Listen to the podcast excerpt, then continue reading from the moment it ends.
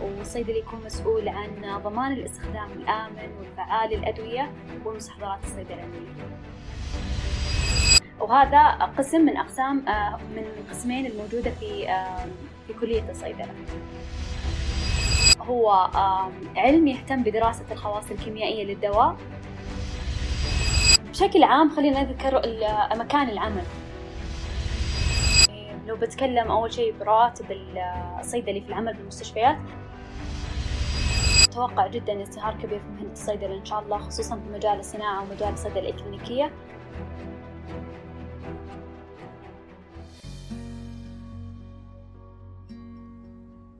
يا أهلا وسهلا. أنا زياد عبد المتين ومن بودكاست اسطلاب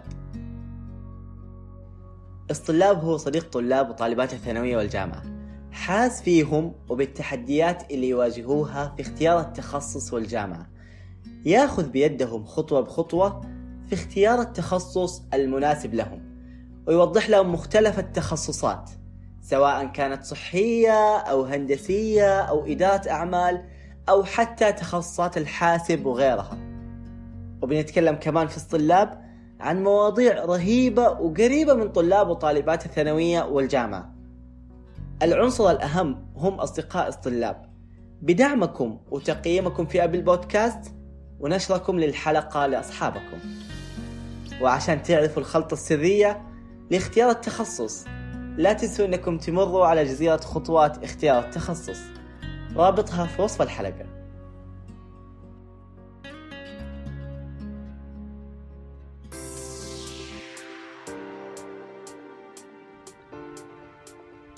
التخصصات الصحية بحر معرفي واسع جدا. الفيزياء والكيمياء والأحياء شلالات بتصب في نهر واحد في التخصصات الصحية. الفيزياء والكيمياء بيحددوا لنا التفاعلات وسرعتها في المواد الكيميائية اللي بتدخل لجسم الإنسان كأدوية وعلاجات لأمراض كثيرة. صديقنا الصيدلي اللي حقه مهضوم ودايما بيقولوا له داخل صيدلة؟ يعني حتبيع في الصيدليات وتكون في صيدليات المستشفيات. ولا يا خسارة حتتخرج حتكون في الصيدلية. هذا متعبه في خمس سنوات دراسة. كيمياء وفيزياء وأحياء وتفاعلات. وقالوا عنه بياع أدوية في الصيدلية. اليوم تخصصنا اللي حنتكلم عنه هو الصيدلة وكيف إنها مرتبطة ارتباط وثيق بالطب وباقي التخصصات الصحية. معنا الدكتورة جميلة النهدي صيدلانية في مدينة الملك سعود الطبية حاصلة على ماجستير صيدلة إكلينيكية من جامعة الملك سعود ورئيسة الإعلام في تجمع الصيادلة السعودي.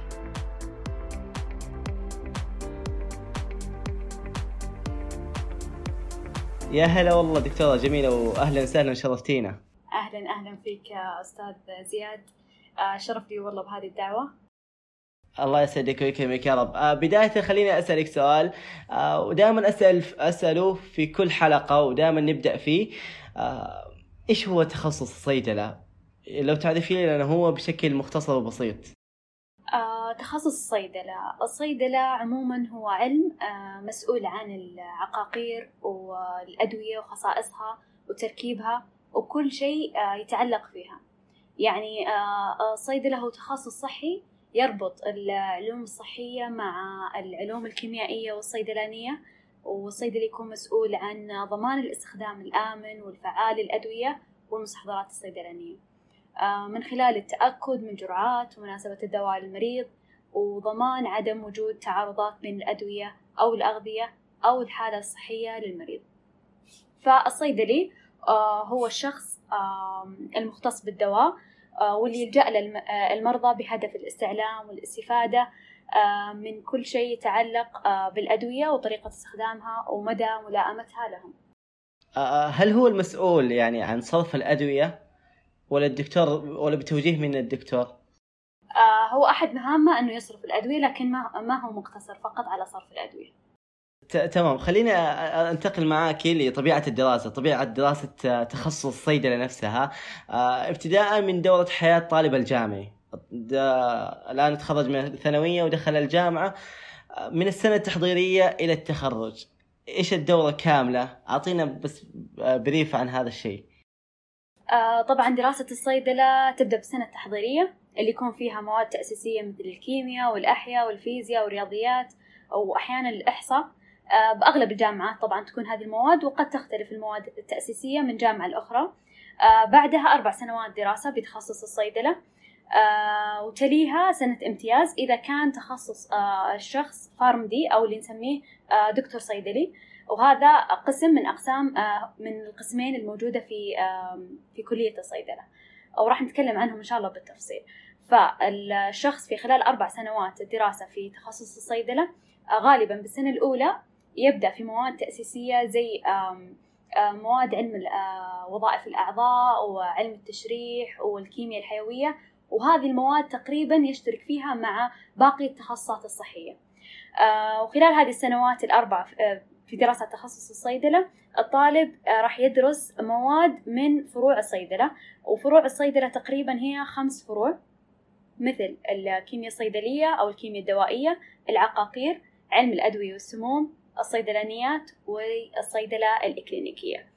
طبعا كل فرع من هذه الفروع آه، يهتم بعلم أو جزء معين من فروع الصيدلة آه، ويكون تحته مواد مختص فيها هذا القسم أو هذا الفرع. جميل. الدكتورة في مواد مهمة آه، في التخصص والطالب يدرسها. إيش هذه المواد المهمة؟ طيب أنا راح أتكلم عن الفروع ومن الفروع راح آه، يستوعبون إيش ممكن تكون المواد اللي تندرج تحت آه، كل فرع. آه، مثل أول شيء فرع الكيمياء الصيدلية أو الكيمياء الدوائية هو علم يهتم بدراسة الخواص الكيميائية للدواء والعلاقة بين التركيب الكيميائي والنشاط الدوائي للدواء. فيتم زيادة فعالية دواء معين أو تقليل سميته من خلال تغيير التصميم أو التركيب الكيميائي لهذا الدواء. تمام؟ آه عندنا الفرع الثاني اللي هو فرع العقاقير هو المسؤول آه، عن دراسة الأدوية المشتقة من أي مصدر طبيعي زي النباتات. تمام؟ آه ويكون يهتم بطرق جمع آه، هذا العقار من النباتات وطرق تخزينه وفصل مكوناته وإعداده للاستخدام في شكل مستحضر آه صيدلاني. وأيضا يهتم هذا الفرع اللي هو فرع العقاقير بدراسة الطب البديل. عندنا الفرع الثالث فرع علم الأدوية والسموم. هذا الفرع مسؤول عن الأدوية والمنتجات الصحية من حيث آلية عملها ابتداء من دخول الدواء إلى الجسم آه وتفاعله مع الإنزيمات والمستقبلات إلى حين ظهور تأثير على الجسم. تأثير هذا الدواء على الجسم. وأيضا يهتم هذا الفرع اللي هو فرع علم الأدوية والسموم بدراسة الآثار الجانبية أو السلبية للأدوية والتفاعلات مع الأدوية الأخرى أو مع الأغذية الأخرى. وأيضا يشمل دراسة الأدوية السامة وطريقة التعامل معها. القسم الرابع أو الفرع الرابع عندنا في كلية الصيدلة آه اللي هو فرع الصيدلانيات. هذا الفرع آه يهتم بتركيب وتصنيع الأدوية في الأشكال الصيدلانية المختلفة. إيش معنى الأشكال الصيدلانية المختلفة؟ زي الأقراص، الكبسولات، التحاميل، الحقن وغيرها. بالإضافة لاختبار جودتها ومدى ثباتها وملائمتها للاستخدام للمريض والمرض نفسه. آه وأيضا سرعة وصولها للمستقبلات والعضو المراد علاجه. عندنا الفرع الخامس أو القسم آه، الخامس في كلية الصيدلة اللي هو قسم الصيدلة الإكلينيكية. هذا القسم يهتم بشكل أكبر في الدواء وردة فعل المريض له. يعني فالصيدلي آه، في هذا القسم يكون ضمن الفريق الطبي للتأكد من الدواء آه، والجرعات والجرعات ومدى ملائمتها للمريض. في هذا القسم يتم تدريس المهارات والمعلومات اللازمة لتقديم الرعاية الصيدلانية آه، للمريض.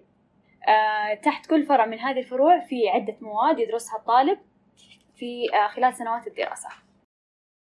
جميل. الطالب الثانوية الآن تخرج من الثانوية وانتقل للمرحلة الجامعية.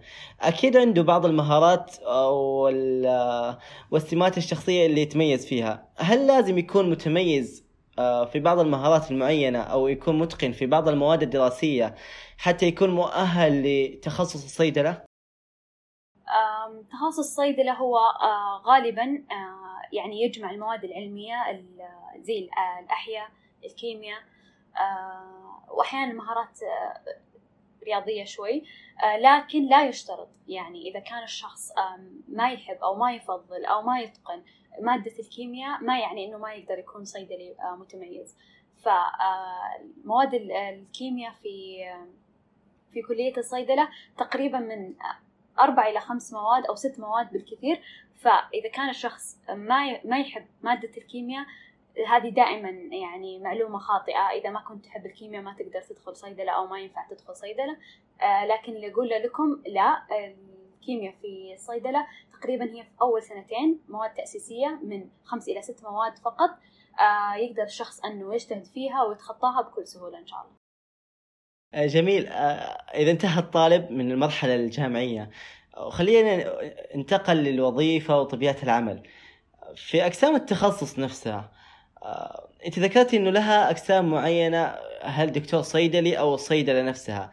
هل في نفس التخرج بيتخرج بهذا الشيء؟ أو كمسميات وظيفية؟ آه السؤال هذا حلو كثير يتكرر من الأشخاص اللي يعني ودهم يدخلون كلية الصيدلة. كلية الصيدلة فيها قسمين. قسم نسميه آه اللي هو البي فارم أو العلوم الصيدلية أو القسم الثاني قسم دكتور صيدلي أو Pharm D آه ال B Pharm مدة دراسته خمس سنوات. يعني آه الشخص يخلص السنة التحضيرية بعدها يدرس أربع سنوات في كلية الصيدلة وينتهي من الدراسة. تمام؟ وهذا الطالب اللي يدخل ال B Pharm أو العلوم آه، الصيدلية أو فرع العلوم الصيدلية يدرس مواد آه، صيدلة خلال سنوات الدراسة من مختلف الفروع اللي ذكرتها الفروع الخمسة بالتساوي. لكن الشخص اللي يدخل آه، أو الطالب اللي يدخل قسم الفارم دي أو دكتور صيدلة راح تكون مدة الدراسة ست سنوات فعنده زيادة سنة. تكون سنة تحضيرية بعدين أربع سنوات تخصص بعدها سنة امتياز تمام؟ فزيادة على القسم الأول بسنة اللي هي سنة الامتياز. ويدرس فيها الطالب مواد من مختلف فروع الصيدلة اللي ذكرناها لكن بتركيز أكبر على فرع الصيدلة الإكلينيكية. تمام؟ لكن كلاهما كلا التخصصين أو كلا القسمين آه، يصنفون بعد التخرج من هيئة التخصصات السعودية بمسمى صيدلي. فغالبا ما في فرق في آه، في التوظيف. مع إنه آه، خريج الفارم دي أو دكتور صيدلي راح يكون مركز أكثر على فرع الصيدله الكلينيكية. لكن كمسمى وظيفي وإمكانية عملهم في أي مجال فهم متساويين في هذا الشيء. جميل. خريج كلية الصيدلة وين الأماكن اللي بيشتغل فيها مستقبلا؟ بعد ما يتخرج يعني؟ خريج كلية الصيدلة آه أو الصيدلي بشكل عام مجالات عمله آه واسعة جدا متنوعة يقدر يعمل الصيدلي في المستشفيات. سواء في الصيدلية الداخلية أو الخارجية أو في مركز معلومات الأدوية والسموم يقدر يعمل آه، في آه، في الجامعات آه، يعني في مجال الأكاديمي التدريس سواء الجامعات الحكومية أو الخاصة يقدر يعمل في مجال المعلومات الطبية والأبحاث يقدر يعمل أيضا في شركات الأدوية وفي مصانع الأدوية وأيضا يستطيع العمل في هيئة الغذاء والدواء. آه حلو. في سؤال يعني من الأسئلة اللي تقدر تقول إنها مميزة. إيش يميز آه الصيدلي عن بقية المهن سواء من مهارات سواء من آه سمات شخصية خاصة فيه يعني هو. الصيدلي يميز عن باقي التخصصات الصحية أنه غير محصور بالمستشفى خصوصا يعني لو أقارن الصيدلي بباقي التخصصات الصحية. آه، عمله غالبا غير محصور بالمستشفى. فمجالات عمله زي ما ذكرت كثيرة ومتنوعة وهذا يخلي الصيدلي يعني مبدع وشخص يقدر ينجز بأي مكان على الاختلاف الشاسع بين المجالات اللي ذكرتها. آه، حلو. خلينا ننتقل معاك لطبيعة المهن. وأسألك سؤال إيش أكثر أربع مهن انتشارا في تخصصات الصيدلة نفسها؟ بشكل عام خلينا نذكر مكان العمل تقريبا المستشفيات آه، الشركات آه، الصيدليات التجارية أو صيدليات المجتمع والجامعات. وكلها بطبيعة نفس العمل؟ آه لا تختلف. آه لو نفصل فيها مثلا الصيدلي في المستشفيات ممكن يعمل آه في الصيدلية الداخلية في الصيدلية الخارجية. آه آه الداخلية يكون مهمة الصيدلي فيها آه في التأكد من الأدوية والجرعات والتعارضات الدوائية والحساسية الدوائية مناسبة الدواء للمريض وحالته الصحية. من خلال التأكد من مستوى بعض الأدوية في الدم وحساب الجرعات الصحيحة. بناء على مستوى بعض الأدوية في الدم زي ما ذكرت. وأيضا الصيدلي آه، في الصيدلية الخارجية يكون مسؤول عن الإشراف آه، على الفنيين في تحضير الأدوية والتأكد من مراجعة التحضيرات. بعد تحضيرها ليتم صرفها للمرضى المنومين في المستشفى. فعمل الصيدلي في الصيدلية الداخلية هو لتوفير الأدوية للمرضى المنومين داخل المستشفى. لكن في الصيدلية الخارجية يكون الصيدلي آه، مسؤول عن صرف الأدوية آه، للمرضى المراجعين آه، في المستشفى والتأكد من ملائمة الدواء لحالة المريضة الصحية والتأكد من الجرعات لحال وجود أي تعارضات وتكون مهمة الصيدلي في التحقق والتأكد من صرف الدواء الصحيح للمريض الصحيح بالجرعة الصحيحة والطريقة الصحيحة والوقت الصحيح. أيضا آه، يستطيع الصيدلي أن يعمل في مركز الأدوية والسموم في المستشفى. آه، صيدلي في مركز الأدوية والسموم يكون مسؤول عن تلقي واستقبال مكالمات من الممارسين الصحيين والإجابة على استفساراتهم بخصوص الأدوية والجرعات والتعارضات. في حال وجود تسمم من مادة معينة يكون مسؤول عن طريقة علاج هذا التسمم. أيضا الصيدلي في مركز الأدوية والسموم مسؤول عن تقييم الأدوية الجديدة المخطط إدخالها في قائمة الأدوية المتوفرة في المستشفى من خلال مراجعة الدراسات المعمولة على هذا الدواء وتقييم مدى احتياج المستشفى لها. طيب في حال إكمال الدراسات العليا مثل الريزنسي أو الماجستير الريزنسي اللي هي برامج الإقامة آه، في الصيدلة يستطيع الصيدلي أن يعمل كصيدلي إكلينيكي في المستشفى. يعمل الصيدلي الإكلينيكي مع الفريق الطبي في أي من آه، من المستشفى سواء العناية المركزة أو آه، الطوارئ آه، أو أجنحة التنويم بمختلف أقسامها مثل الباطنة الأطفال الكلى الأورام وغيرها. يكون هنا الصيدلي مسؤول عن عدد من المرضى يراجع خططهم العلاجية وإذا كانت هناك أي تعديلات في الجرعة أو تغيير الأدوية أو اقتراح خطة علاجية ويكون أيضا مسؤول عن مراقبة وظائف الكلى والكبد ومستوى الأدوية في الدم وتعديل الجرعات بناء عليها. بالنسبة للعمل في في الصيدليات التجارية أو صيدليات المجتمع زي مثلا النهدي والدواء وغيرها آه، شبيه بعمل الصيدلي في الصيدلية الخارجية. آه، يتعامل فيها الصيدلي مع المرضى بشكل أقرب من خلال صرف الأدوية والمستحضرات التجميلية. بالنسبة للعمل بالشركات غالبا يبدأ الصيدلي بالعمل في الشركات كممثل طبي وهو صيدلي مسؤول عن التسويق وشرح الدواء للأطباء في المستشفيات الحكومية أو الخاصة آه، وشرح الدراسات المقامة آه، على الأدوية. بالنسبة للعمل في الجامعات يستطيع خريج الصيدلة سواء PharmD أو B أن يعمل كمعيد في الجامعة بعد التخرج. آه، بعدها آه، بعدها يكمل الماجستير في أي من فروع الصيدلة اللي ذكرناها اللي هي الكيمياء الدوائية العقاقير الصيدلانيات علم الأدوية والسموم أو الصيدلة الكلينيكية. آه، في الصيدلة الكلينيكية يستطيع أن يكمل ماجستير أو residency زي ما ذكرنا. residency اللي هي برامج الإقامة. فيصبح بعد ذلك محاضر في القسم الذي أكمل فيه الدراسات العليا ثم بعد ذلك يكمل الدكتوراه. وتشترط الجامعات على عضو هيئة التدريس أن يبتعث للدراسة. ليصبح بعد ذلك أستاذ مساعد في القسم. ممكن في شغلات معينة آه، في تخصص الصيدلة آه، ربما إنها تكون ممتعة نوعا ما. ولو سألناها نسأل أهل التخصص نفسهم. إيش الشغلات الممتعة والصعوبات والتحديات اللي أنتم بتواجهوها في هذا التخصص؟ آه، تقريبا يعني تفرق من مجال إلى مجال من مجال عمل إلى آخر. يعني العمل في المستشفيات يفرق تماما عن العمل في الصيدليات التجارية أو عن الشركات أو عن الجامعات. فالمستشفيات تقريبا يعني يميزها البعد عن الروتين. آه، خصوصا لو كان آه، الصيدلي يعمل كصيدلي كلينيكي. آه، أيضا من مميزاتها أنه فيها تطوير في المعلومات بشكل مستمر. طبعا هذه تعتمد على الشخص لكن غالبا العمل بالمستشفى يتطلب منك قراءة واطلاع مستمر. وهذه البعض قد يعتبرها يعني عيب مو ميزة. بالنسبة لي أشوفها ميزة. يعني الاطلاع والتطوير المستمر.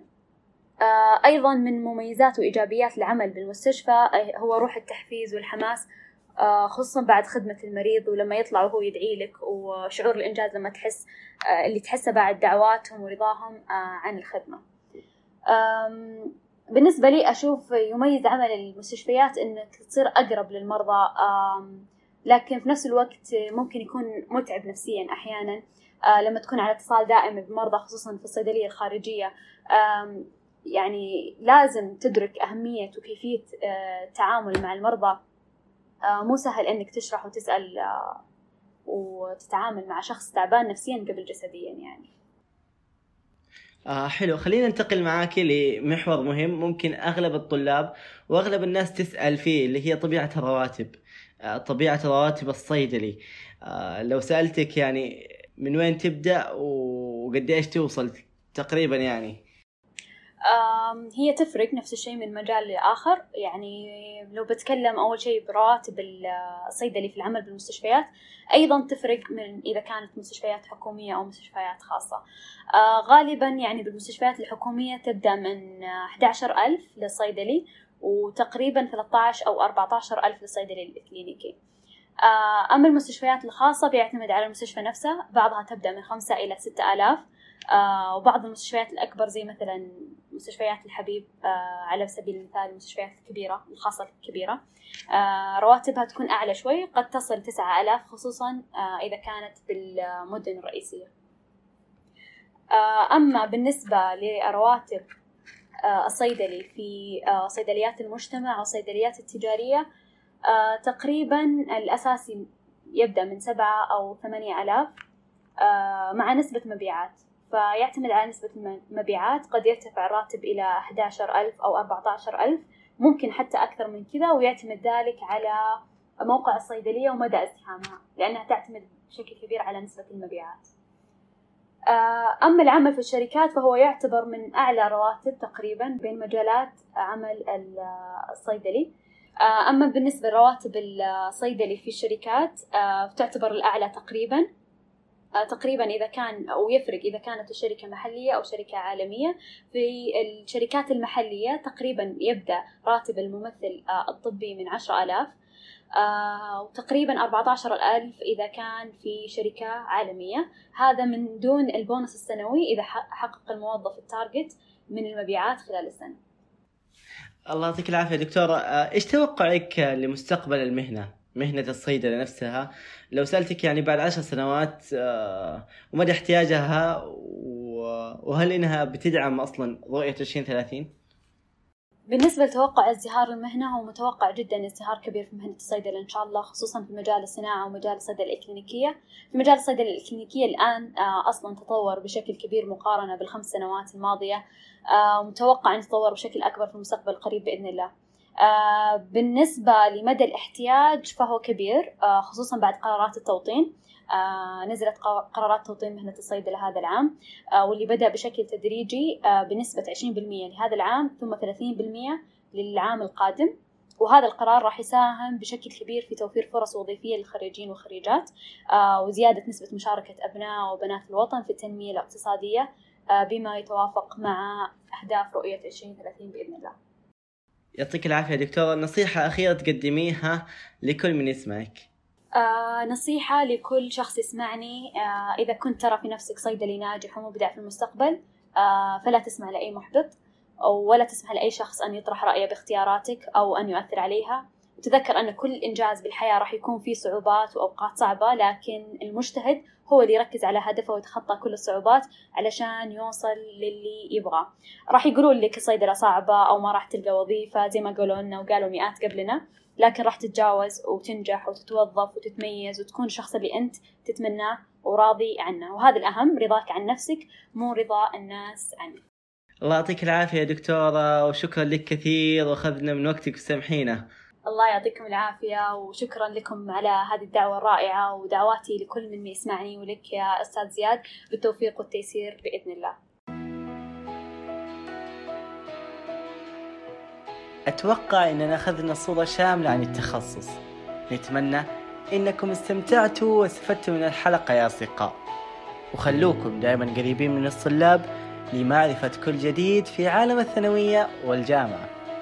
دمتم بخير.